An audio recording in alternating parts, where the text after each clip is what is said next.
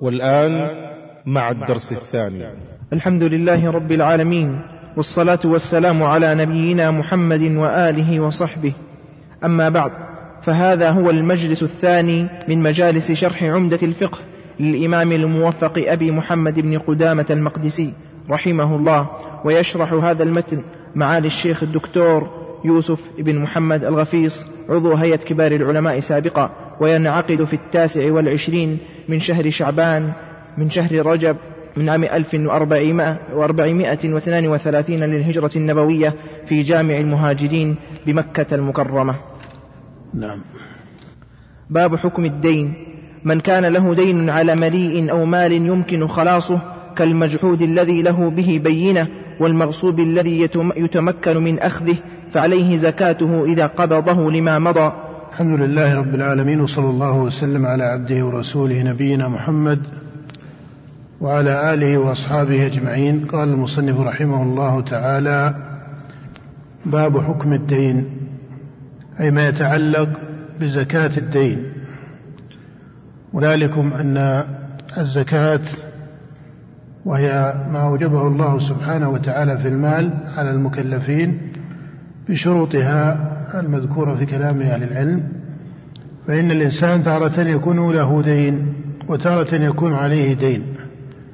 فإذا كان له دين فهذا المال في حقيقته مال له ولكنه بيد غيره. وكذلكم إذا كان عليه دين فهل الدين إذا كان له تجب فيه الزكاة إذا بلغ نصابا أم أن كونه دينا ليس بيده يسقط وجوب الزكاة أو يؤثر في وجوبها على رأس الحول إذا بلغت حولا وكذلك إذا كان عليه دين فصار هذا الدين منقصا للنصاب فهل تتأثر الزكاة به أو لا؟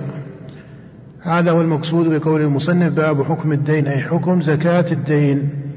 قال من كان له دين على مليء.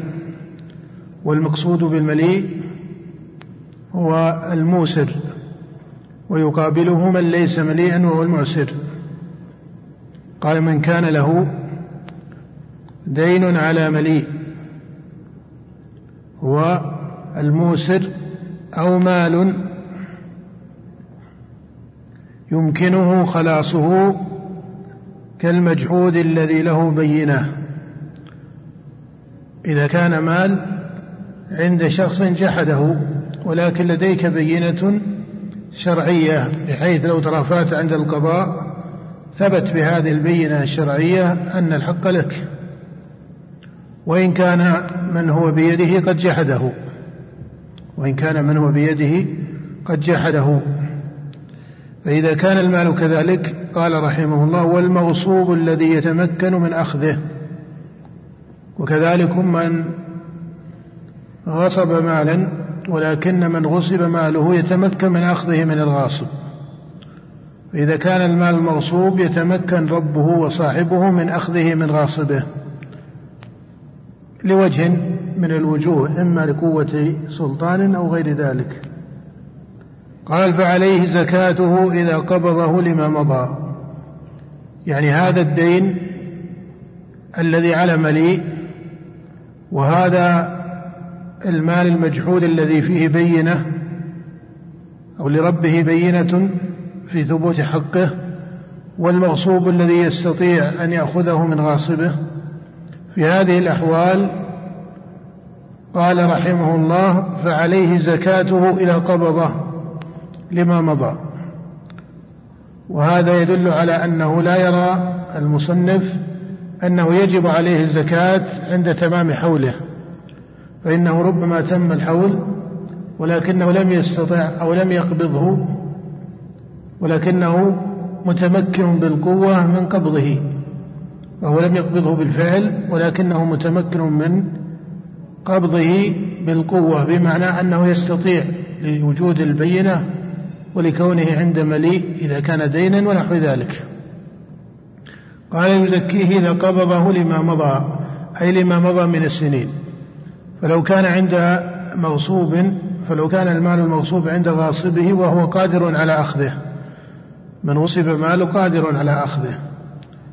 ومجحود فيه بينة ودين على مليء. ثم بقى سنتين بقي سنتين أو بقي ثلاثا فإذا قبضه زكاه عن سنتين وعن ثلاث. هذا مقصود قوله رحمه الله فعليه زكاته إذا قبضه لما مضى. وهذا الذي ذكره المصنف هو مذهب الإمام أحمد وأبي حنيفة ومذهب الحنابلة والحنفية. أن الدين إذا كان على مليء وبعضهم يقيده بالباذل فإن المليء قد لا يكون باذلا. إذا كان الدين كذلك أو كان مجحودا كان المال مجحودا ولكن عليه بينة. أو كان مغصوبا مقدورا على أخذه من غصبه فإنه تجب الزكاة فيه ولكن المصنف يقول لا يلزمه أن يزكيه على رأس الحول إذا تم الحول الأول. بل يزكيه إذا قبضه لما مضى فإن مضى سنة زكاه عن سنة وإن مضى سنتان زكاه عن سنتين وهكذا. هذا مذهب الإمام أحمد والإمام أبي حنيفة. وذهب الإمام الشافعي إلى أن الدين والمال إذا كان على هذه الصفة فإنه تجب الزكاة فيه على رأس كل حول على تمام كل حول. فإذا تم الحول الأول إذا تم الحول الأول وجب أن يزكيه. قبضه أو لم إيش؟ قبضه أو لم يقبضه فيجب أن يزكيه. لما قال الشافعية لأنه مال وإن لم يكن بيده بالفعل إلا أنه بيده بالقوة. وتعرفون الفرق بين هذا الاصطلاح في تعبير كثير من النظار وأهل العلم القوة والفعل يعني أنه بالقوة بمعنى أنه متمكن لكونه عند مليء إذا كان دينا عند مليء باذل أو كان مجحودا وفيه بينة سلطانية قضائية قائمة بموجبها تثبت أو يثبت الحق له وهكذا. فالتفت الشافعية إلى أنه بيده بالفعل إلى عفوا إلى أنه بيده بالقوة وإن لم يكن بالفعل. ومن هنا قالوا يجب أن يزكيه إذا قبضه أو لم يقبضه. إذا تم الحول وجبت فيه الزكاة. مذهب الإمام مالك فيه تفصيل. المالكين لهم تفاصيل في هذه المسائل يطول الوقوف معها. الراجح من هذه الأقوال ما ذهب إليه الإمام أحمد والإمام أبو حنيفة رحمه الله. وهذه المسألة ليس فيها نص من الشارع ولكنها محصلة من دلالات وقواعد الشريعة وجمل النصوص في هذا الباب. ووجه مذهب الإمام أحمد وأبي حنيفة أن هذا المال وإن كان في الجملة مقدورا عليه لكونه عند مليء ولكونه فيه بين إن كان مجحودا أو مقدورا على أخذه إن كان عند غاصبه إلا أن هذه القدرة قد يعرض لها ما يعرض لها. هذا من وجه. ومن وجه آخر فإنه بيد غيره لا نماء له لربه. لا نماء له لربه أي ليس ناميا أي ليس من الأموال النامية بيد ربها. قالوا فلما لم يكن ناميا وكان أخذه محل اعتراض قد يعترضه ما يعترضه فإنه لا تجب فيه الزكاة إذا تم الحول حتى يقبضه. قالوا فإذا قبضه وجب أن يؤدي زكاته لما مضى إذا كان الذي مضى أكثر من حول. وإنما وجب أن يزكيه إذا قبضه لما مضى. قالوا لأنه كان مقدورا عليه وإنما تأخر ربه عن طلبه. قالوا لأنه كان مقدورا عليه من حيث الأصل وتأخر ربه عن طلبه. فهذا هو وجه وجوب الزكاة عندهم لما مضى من السنين تأخر سنين. وأما كونه لا يلزمه أن يزكيه على كل حول عند تمام حوله فلكونه ليس بيده وليس ناميا وقدرته هذه قدرة مظنونة لأنه قد يعرض لها ما يعرض فإن بينته قد لا يمضيها القاضي مثلا لوجود نقص فيها أو سقوط فيها. فربما توهم البينة ما ليس ببينة وهكذا. نعم.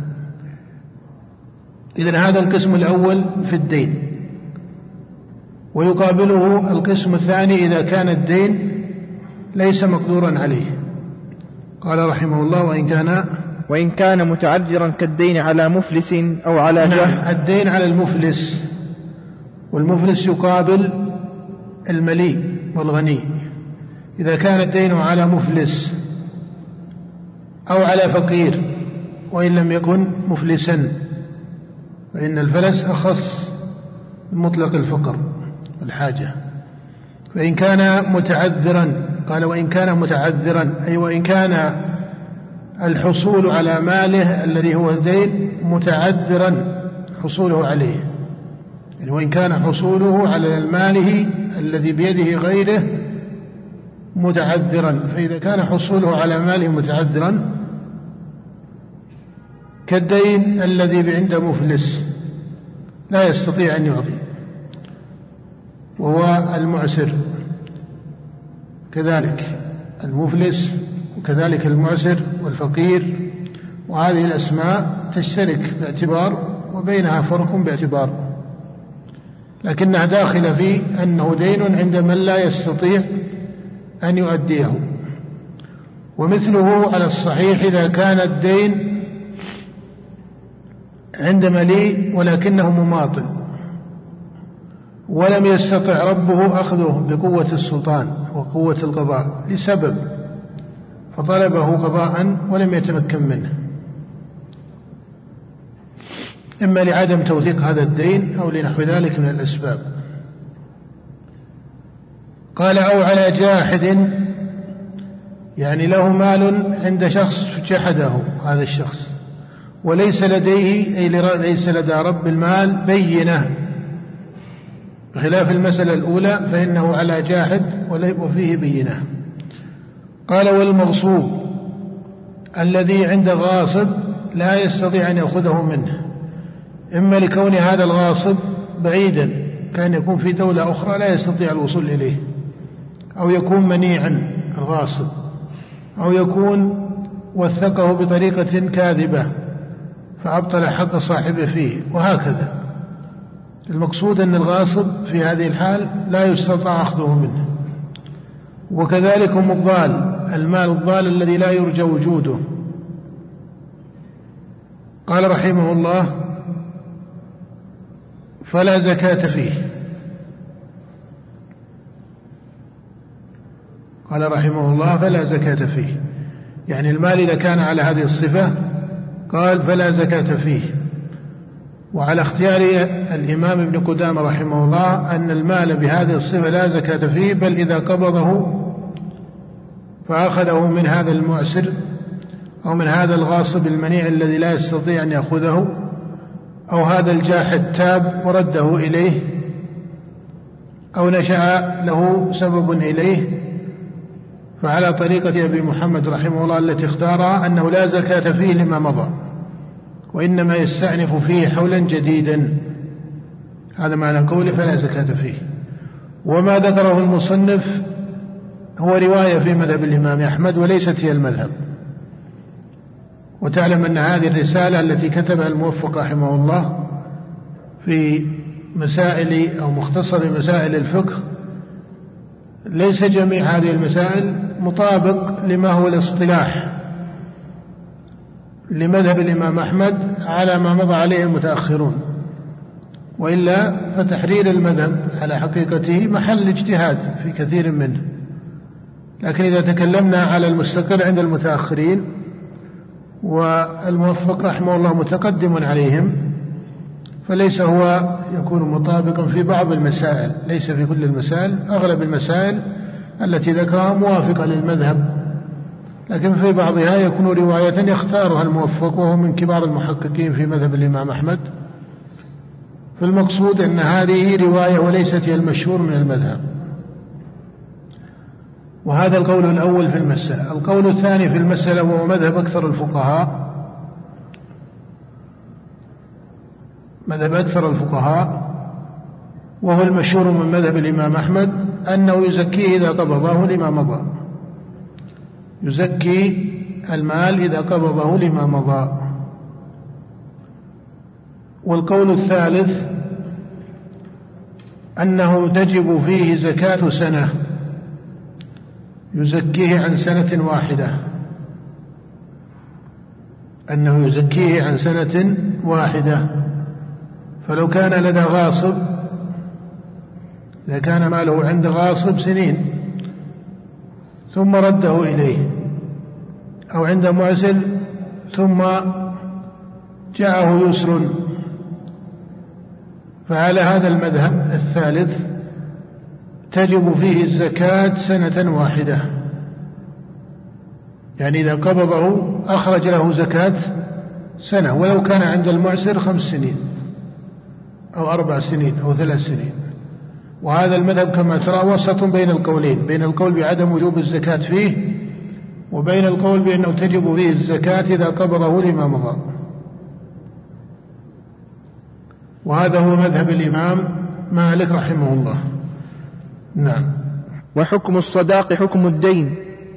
ومن كان حكم الصداق حكم الدين. أي أن صداق المرأة حكمه حكم الدين فإذا كانت الصداق ليس بيدها وإنما لم يسلمه الزوج بعد وبقي عنده فينظر في حال الزوج. فإن كان الزوج على صفة المليء الباذل فله حكم الدين وإن كان الزوج على غير ذلك ونشأ بينه وبين المرأة مشاقة أو نزاع أو ما إلى ذلك وفي ذمته لها صداق. فهذا الصداق إن كان الزوج معسرا أو ما إلى ذلك من الأسباب أو جاحدا له إلى آخره فحكم الزكاة حكم الدين. حكم عفوا حكم الصداق حكم الدين. فإن كان على مليء باذل فإنه يزكيه إذا قبضه لما مضى أي المرأة تزكيه إذا قبضته لما مضى. وإن كان على معسر ومفلس ونحو ذلك ففيه الخلاف الذي عرض ذكره الآن. نعم. ومن كان عليه دين يستغرق النصاب الذي معه أو ينقصه فلا زكاة فيه. إذا هذه المسائل التي ذكرها فيها تقرير لحكم زكاة الدين. يعني إذا كان لك مال ولكنه دين عند الغير. فبين أنه في الجملة على قسمين. إما أن يكون هذا الدين الذي لك على غيرك هذا الغير إما أن يكون مليئا باذلا وإما أن يكون إيش؟ ليس كذلك. فإن كان مليئا باذلا فله حكم وإن كان ليس كذلك فله حكم. المسألة الأخرى التي بعدها على خلاف ذلك. إذا كان رب المال عليه دين ليس له دين بل عليه عليه دين ليس له. قال وإن كان عليه أي وإن كان على رب المال دين يستغرق النصاب. كأن يكون عنده مئة ألف مثلا ولكن عليه دين حال بمئة ألف وزيادة. فهذا الدين إيش؟ استغرق استغرق النصاب. يعني ما عليه من الدين أكثر مما عنده. قال وإن كان عليه دين يستغرق النصاب أو يبقى له منه شيء لكنه لا يبلغ نصابا فكذلك لأن العبرة ببلوغ النصاب. ليس بكونه مطابقا لما عنده من المال. قال وإن كان عليه دين يستغرق النصاب الذي معه أو ينقصه. ينقص النصاب. يعني يستغرق النصاب كما سبق المثال أو ينقص النصاب فيكون مال لم يبلغ النصاب. فيكون مال لم يبلغ النصاب. قال فلا زكاة فيه. قال فلا زكاة فيه. قالوا لأن هذا المال حقيقته مستغرق بهذا الدين الذي عليه. قالوا لأن هذا المال وإن كان بيده إلا أن ذمته مشغولة بقدره أو بما ينقص النصاب ولو بقي شيء لا, لا, لا نصاب لا يتم به النصاب فلا عبرة به لعدم وجوب الزكاة فيما دون النصاب. هذا مذهب الحنابلة المشهور من المذهب ومذهب الحنفية والمالكية. وذهب الشافعية إلى أن الدين الذي على رب المال لا يؤثر في وجوب الزكاة. إلى أن الدين الذي على رب المال لا يؤثر في وجوب الزكاة. فإذا هما قولان مشهوران في المسألة وفي المسألة تفاصيل من الأقوال لكن هذان القولان هما جملة المسألة. القول الأول أن الدين إن كان يستغرق المال أو ينقص النصاب فلا زكاة فلا زكاة فيه. وهذا مذهب الأكثر من الفقهاء. القول الثاني وهو مذهب الإمام الشافعي أن الدين لا يؤثر. أن الدين لا يؤثر. هنا ينبه إلى مسألة وهي مسألة فيها خلاف بين العلماء فإن الدين في عرف الناس وكذلك في الشريعة على الصحيح وإن كان بعض الفقهاء ينازع في هذه المقدمة الدين تارة يكون حالا وتارة يكون إيش؟ مؤجلا فإن المستقر في تعاملات الناس أن الدين إما أن يكون حالا وإما أن يكون إيش؟ مؤجلا إلى سنة أو سنتين أو أكثر إلى آخره. فإذا كان الدين حالا فهذا الخلاف يتجه معه. ولكن إذا كان الدين مؤجلا فالمتحقق أن الدين الذي لا صلة له بحول الزكاة لا يؤثر في الحول المعين. إذا الدين نقول على قسمين. إما أن يكون الدين في حول الزكاة يعني أمده وميقاته في حول الزكاة. كان يكون الدين إلى ثلاثة أشهر إلى أربعة أشهر إلى خمسة أشهر إلى آخره. فإذا كان الدين في حول الزكاة فهذا له حكم. وأما إذا كان الدين مؤجلا مباعدا عن حول الزكاة كان يكون الإنسان والآن كما تعرفون التمويلات عبر المؤسسات المالية والبنوك وغيرها كثيرة. وربما يكون على الإنسان دين عشرين سنة. أقساط لمنزل أو أقساط ل أحيانا تجارة أو غير ذلك. فتجد أنه يقول هذه الأرض وهذا المنزل اشترى مثلا بمليون ريال وفي ذمة البنك في ذمته للبنك مثلا أو للمؤسسة المالية أو العقارية في ذمة هذا الشخص لهذه المؤسسة أو لهذه الجهة مليون ريال على عشرين سنة على عشرين سنة لكنه لا يدفع في السنة الواحدة إلا قسط من هذا المبلغ. يعني محصل ما يدفعه خمسين ألف أليس كذلك؟ أليس كذلك؟ طيب إذا كان هذا عنده في عرض السنين العشرين صار عنده مئتين ألف. المئتين ألف التي تشغل الذمة فيها باعتبار السنة الحولية للزكاة التي هي حول الزكاة من هذه المئتين خمسين ألف فقط.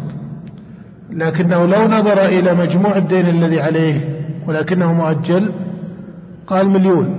المليون ينقص يفني هذه هذه المئتين أليس كذلك؟ المليون يفني المئتين فلو مضينا على أن المؤجل لا زكاة فيه على أن الدين المؤجل يؤثر في الزكاة للزم أنه إذا ملك مئتين ألف أو ملك خمسمائة ألف أو ملك ستمائة ألف يقول أنا علي مليون لا يزال عليه مليون وقد ينقص إلى تسعمائة إلى ثمانمائة إلى آخره ففي كل مرحلة يقول عليه أربعمائة عليه ستمائة عليه خمسمائة إلى آخره. هذا يتحقق أن القول بأن الزكاة بأن هذا الدين المؤجل بجملته المؤجلة يمنع الزكاة في الحول الذي لا يتصل به هذا قول بعيد. والصحيح أن مثل هذا الدين لا يؤثر في الزكاة في الحول المتصل بالمال الذي بيده. أما قدر هذا المؤجل الذي يحل في هذه السنة كالخمسين ألف في هذا المثال فالقول بأثر الدين على الزكاة قول فيه قوة وإن كان الخلاف فيه قوي. إذا لابد من هذا التفصيل. بعض الفقهاء رحمهم الله لم يلتفت إلى هذا التفصيل قالوا لأن الدين حال ولا يتأجل بالتأجيل. ولكن الصحيح أن الدين معتبر بأجله لأن الأصل في المعاملات أنها على ما يتعاقد عليه الناس. فإذا كان الدين مؤجلا فإنه يبقى مؤجلا في الذمة. وهذا من العقود والمنافع التي لا تعارض أحكام الشريعة. والصحيح أن الدين المؤجل على وجهه والدين الحال على وجهه. فإذا الدين إما أن يكون متصلا بحول الزكاة وإما أن يكون مباينا عنه. فإن كان مباينا عنه فالصحيح أنه لا يؤثر. وهذا متحقق. وأما إن كان متصلا به فهذه مسألة محتملة. نعم. باب زكاة العروض. باب زكاة العروض وهذا أحد الأنواع الأربعة التي تجب فيها الزكاة ويراد بذلك عروض التجارة وليس كل العروض فإن العروض من الأسماء الإضافية في هذا الباب فإما أن تكون عروض تجارة أو تكون عروض قنية فإن كانت العروض عروض قنية كالمسكن العمارة التي يسكنها الإنسان هي عروض أليس كذلك؟ ولكنها ليست عروض تجارة. ليست عروض تجارة يعني لا تراد للتجارة لا يريد ربها الاتجار بها والاستنماء لها والاستغلال لها وإنما يريد أن يسكنها. فهذه عروض قنية وعرفنا سابقا أن عروض القنية الأصل فيها عدم وجوب الزكاة. ودل على هذا جملة من الأدلة منها حديث ليس على المسلم في عبده ولا في فرسه صدقة. وطردا لهذا المعنى قيل إن حلي النساء المستعمل الذي تلبسه النساء وإن كان ذهبا أو فضة لا زكاة فيه لأنه خرج إلى كونه كنية وزينة لهن فصار من جنس الدار التي يسكنها الإنسان. فهو داخل في قول النبي ليس على المسلم في عبده ولا في فرسه صدقة. قال رحمه الله باب زكاة العروض. نعم. ولا زكاة فيها حتى ينوي بها التجارة وهي نصاب. ولا زكاة فيها حتى ينوي بها التجارة بمعنى أنها لو كانت كنية فلا زكاة فيها. وكذلك إذا كانت تؤجر فإن التأجير أحد الأوجه التجارية لكن الزكاة تكون في أجرتها. تكون الزكاة في أجرتها نعم. ولا زكاة فيها حتى ينوي بها التجارة وهي نصاب. يعني لا بد من اجتماع الوصفين أن ينوي بها التجارة وأن تكون حين نوى بها التجارة نصاب حولا كاملا. فإذا بلغت نصابا وقد نوى بها التجارة حولا وجبت فيها الزكاة. نعم وهذا عليه عامة أهل العلم من الأئمة الأربعة وغيرهم. نعم. ثم يقومها. فإذا بلغت أقل نصاب من الذهب والفضة أخرج الزكاة من قيمتها. نعم. وإن كان عنده قال ثم يقومها أي تقوم هذه العروض تقوم بالذهب والفضة. والمصنف هنا يشير إلى أنها تقوم بالأحظ للفقراء. قال فإذا بلغت أقل نصاب من الذهب والفضة أخرج الزكاة من قيمتها. فهي تقوم بنصاب الذهب وبنصاب الفضة. فما كان الأحظ للفقراء فإن الزكاة تعتبر به. وهذا مذهب الحنابلة والحنفية. وذهب الإمام مالك إلى أنها تقوم بالفضة. قال المالكية إلا أن تكون هذه العروض تباع وتشترى بالنقدين بالذهب والفضة فيخير بينهما. فيخير رب المال بينهما. والقول الأول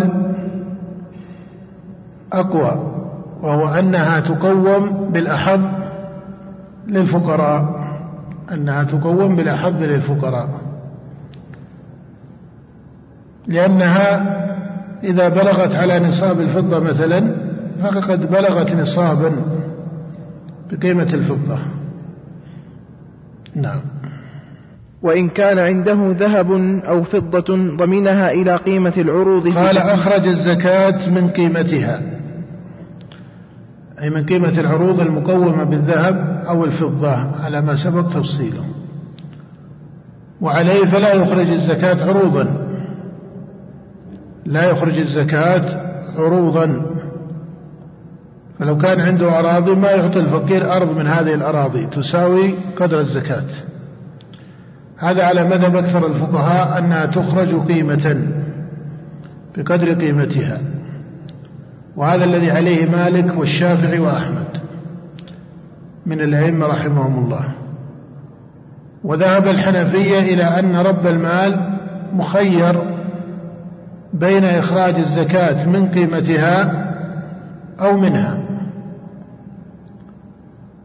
وإذا قلنا أو منها فمعناه لو أنه أعطى الفقير أو المسكين أرضا هي قدر زكاة هذه الأراضي التي عنده صح أو لم يصح؟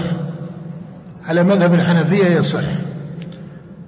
وإن كان الذي أخرجه عروضا من هذه الأراضي مثلا كالعقار ونحوه فإن العقار من عروض التجارة عند الفقهاء. نعم. وإن كان عنده ذهب أو فضة ضمنها إلى قيمة العروض في تكميل النصاب. قال وإن كان عنده ذهب أو فضة. عندكم في النسخة التي ربما بين يديكم ضمنها أليس كذلك؟ ضمنها ضمنها ليست ضمنها. إما أن تقرأ ضمنها وفي بعض النسخ ضمها وهذا أصح وأفصح.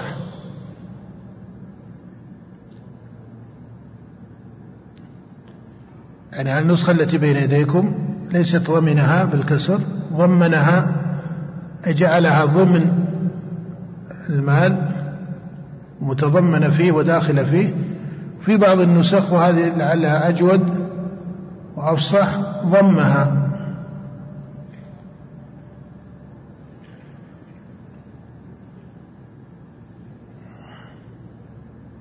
لأنه عداها بإيلاء. عداها بإيلاء.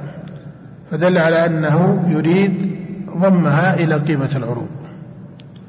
لو كان المراد ضمنها ما احتاجت إلى التعدية بحرف الجر لقد ضمنها قيمة العروض أليس كذلك؟ فالأظهر أن النسخة المعتبرة أو أن هذا الحرف على النسخة الصحيحة ضمها إلى قيمة العروض.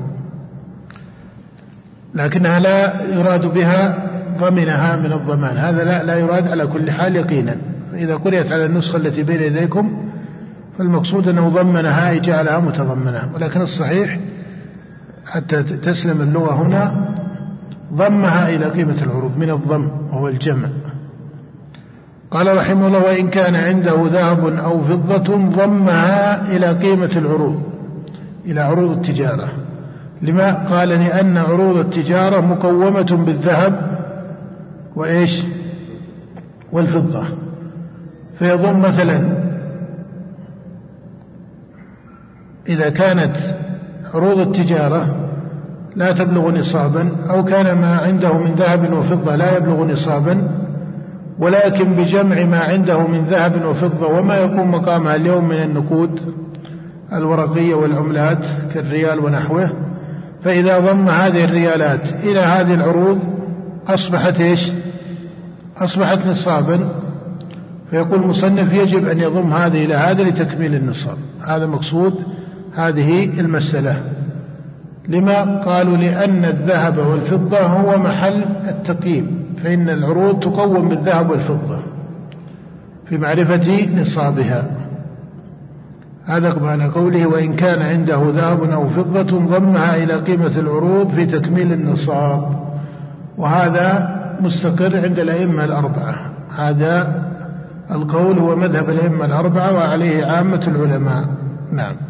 وإذا نوى بعروض التجارة القنية فلا زكاة فيها. قال وأين وإذا نوى بعروض التجارة القنية فلا زكاة فيها. العروض كما قلنا في الجملة على قسمين إما عروض للتجارة أو عروض للقنية ويراد بالقنية هي ارتفاق الإنسان الخاص واستعمالاته الخاصة. فلو اشترى هذه الدار وأراد بيعها وعرضها للبيع. فإنها تعتبر إيش؟ عروض تجارة. فإذا بلغت حولا حتى ولو لم يبيعها ما دام أنه قد عرضها للبيع أو نوى بها التجارة فإذا بلغت حولا وجبت فيها الزكاة. لكن إذا كان في أثناء الحول لما مضت ستة أشهر مثلا من شراء هذه العمارة ونية التجارة فيها. بعد ما مضى ستة أشهر غير رأيه رب المال غير رأيه وقال هذه العمارة أريد أن أسكنها أو أن يسكنها لولده أو نحو ذلك. فجعلها قنية له ولأهل بيته. فإذا نوى سكناها تحولت من كونها نوى بها عروض التجارة إلى كونها ماذا؟ نوى بها القنية فلا زكاة فيها. فلا زكاة فيها. وهذا فرع عن المعنى الكلي في الزكاة أن أموال القنية الخاصة بالمكلف لا زكاة فيها ولو غلا ثمنها. كالدار والسيارة والمتاع واللباس ونحو ذلك وكل هذه لا زكاة فيها. ولهذا قيل إن حلي النساء كما سبق داخل في هذا. الأصل الذي دل عليه النص ودل عليه الإجماع أيضا. دل عليه النص والإجماع عن الأصل. نعم. ثم إن نوى بعد ذلك التجارة استأنف له حولا. قال ثم إن نوى بعد ذلك التجارة استأنف حولا. وعلى هذا التقرير تصير أو يبتدئ حولها بمجرد النية. أليس كذلك؟ بمجرد النية يبتدئ حولها وعليه فيكون احتساب الحول من حين النوى. وهذه رواية في مذهب الإمام أحمد. والمشهور من المذهب أنها لا تصير عروض تجارة بمحض النية إذا كانت معدة في الابتداء للقنية حتى تخرج إلى التجارة بالفعل حتى تخرج إلى التجارة بالفعل نعم. باب زكاة الفطر. نعم هذه إذن هي جمل مسائل الزكاة على وجه من الإجمال كما ترى وتفاصيلها مذكورة بجملة بأطرافها وأدلتها المفصلة في كلام الفقهاء لكن طالب العلم يبتدئ بهذه الجمل فإذا أتقن هذه الجمل أمكنه بعد ذلك أن ينظر التفاصيل والفروع وما فيها من الخلاف المطول والموسع في كلام العلماء في كتب الفقه المقارنة المطولة. ومن كتب الفقه الموسعة في هذا ومن كتب المصنف عن ابن قدامة رحمه الله كتاب المغني في شرح مختصر أبي القاسم الخرقي. كذلكم الشرح الكبير لابن أبي عمر وهو شرح لمقنع الإمام الموفق صاحب هذه الرسالة. وفي كلام غيرهم من أصناف الفقهاء من علماء الحنفية والشافعية والمالكية وغير هؤلاء. نعم. ثم يقول رحمه الله بعد ذلك باب زكاة الفطر. والفقهاء يذكرون زكاة الفطر ويراد بها صدقة رمضان. زكاة الفطر من رمضان وتسمى زكاة الفطر وتسمى صدقة الفطر. يذكرونها بعد أحكام الزكاة لأنها فرض كما قال عبد الله بن عمر رضي الله عنهما كما في الصحيحين فرض رسول الله صلى الله عليه وسلم زكاة الفطر من رمضان وفي رواية صدقة الفطر من رمضان على المسلمين على كل حر أو عبد ذكر أو أنثى من المسلمين. نعم. وهي واجبة على كل مسلم إذا ملك فضلا عن قوته وهي واجبة على كل مسلم وهذا بالإجماع. ملك فضلا نعم.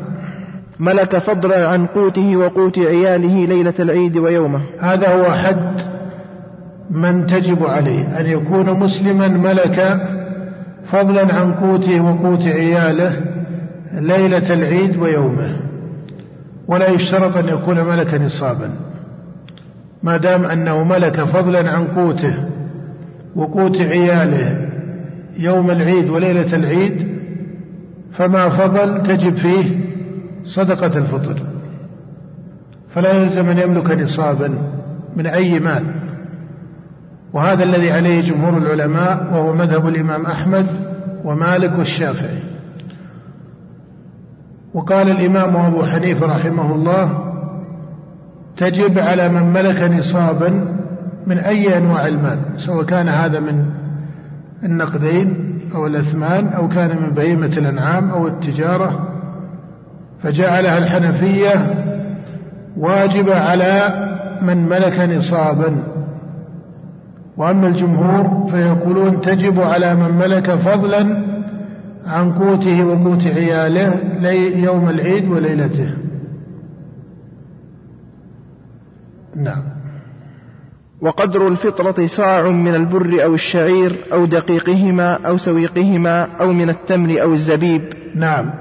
قال وقدر الفطرة صاع وكونها صاعا هذا الذي عليه عامة أهل العلم أنها صاع من طعام وجاء بهذا النص وحكي الإجماع على ذلك فهي صاع من الطعام. ونقل عن بعض المتقدمين كما جاء في الصحيح في قول معاوية رضي الله تعالى عنه إني أرى أن مدين من سمراء الشام تعدل صاعا من طعام. هذا كان اجتهاد لمعاوية ولكن عامة أهل العلم على خلافه. والصحيح أنها صاع سواء كانت من سمراء الشام أو من غيرها سواء كانت من البر أو من غيره. وكثير من الفقهاء يقيدونها بالأصناف التي جاءت في الحديث. وهي ما ذكر المصنف قال صاع من البر أو الشعير أو التمر أو الزبيب. فيقيدونها بما ورد النص به من الأسماء. والأظهر أنها صاع من طعام كما جاء في بعض الروايات. وإن كان الطعام في كلام العرب تارة يراد به البر. لكن من نظر مقاصد الشريعة ودلالة الشريعة على أحكام الزكاة ومنها صدقة الفطر من رمضان عرف أن ذكر الشعير وذكر الزبيب ونحو ذلك ليس هو على سبيل التشريع المعين بل المقصود أنها صاع من الطعام الذي يقتات وعليه في الصحيح من أقوال العلماء أنها لا تقيد بطعام خاص بل كل طعام هو قوت لأهل البلد يصح أن تكون الزكاة فيه. أي صدقة الفطر من رمضان منه. كالأرز مثلا فإنه لم يكن مشهورا عند العرب لأنه لا ينبت في أرضهم في الجملة. ولذلك لما كان اليوم هو من أغلب القوت للناس فلا شك أنه تصح الزكاة به. وهو اليوم أبلغ عند الناس من الشعير أليس كذلك؟ نعم. فإن لم يجده أخرج هي لا بد أن تكون من الطعام. يعني لا بد أن تكون من الطعام. نعم. فإن لم يجده أخرج من قوته أي شيء كان صاعا. هذا على رواية في مذهب الإمام أحمد. هذا على رواية في مذهب الإمام أحمد. والصحيح كما سلف أنها لا تقيد بهذه المسمات بل كل طعام يكون قوتا لأهل البلد وأهل الإقليم وأهل المصر والمقصود بكونه قوتا أي هو من قوتهم المعتاد. أي هو من قوتهم المعتاد. مما يقتاتونه عادة فإن صدقة الفطر تقع به. وعليه فلا بد أن تكون صاعا من طعام يقتات ولا تصح أن تكون مالا. وعليه فنتيجة كلام الفقهاء على ثلاثة أقوال. منهم من يقول لا بد أن تكون صاعا من هذه الأطعمة المسمات إلا أن يكون ليس واجدا لها فينتقل إلى بدلها ثم هذا البدل يختلفون فيه هذا البدل يختلفون فيه فالمصنف يقول فإن لم يجد أخرج من قوته أي شيء كان صاعا هذا أحد الأبدال عندهم وهو رواية في المذهب والمشهور من المذهب في البدل على خلاف ذلك. لكن جملة هذا القول أنهم يقيدونها بما ورد في الحديث من أسماء الأطعمة. القول الثاني وهو مذهب الإمام أبي حنيفة يقولون لا يلزم أن تكون طعاما صاعا من طعام بل يجوز أن يخرج ماذا؟ القيمة. يجوز أن يخرج القيمة. والقول الثالث وهو وسط بين القولين أنها تكون صاعا من الطعام أيا كان هذا الطعام ما دام أنه قوت لأهل هذا البلد. والبلاد تختلف أقواتها. والبلاد والأقاليم تختلف أقواتها. فلا تجزئ إذا كانت قيمة. لا تجزئ القيمة لا بد أن نخرج صاعا من طعام. ولكن هذا الطعام ليس بمقيد كل ما كان قوتا جاز إخراجه. نعم. ومن لزمته فطرة نفسه لزمته فطرة من تلزمه مؤنته ليلة العيد. كم الساعة الآن؟ ستة وخمس. طيب نقف على هذا. وبالله التوفيق وصلى الله وسلم على عبده ورسوله نبينا محمد وآله وصحبه وسلم. نسأل الله تعالى أن يجزي الشيخ خير الجزاء. وأن يجعل ما قدم في موازين حسناته مع تحيات إخوانكم في مؤسسة الإمام البخاري الإسلامية بمكة. هاتف رقم خمسة أربعة ثلاثة أربعة اثنين ستة سبعة. والسلام عليكم ورحمة الله وبركاته.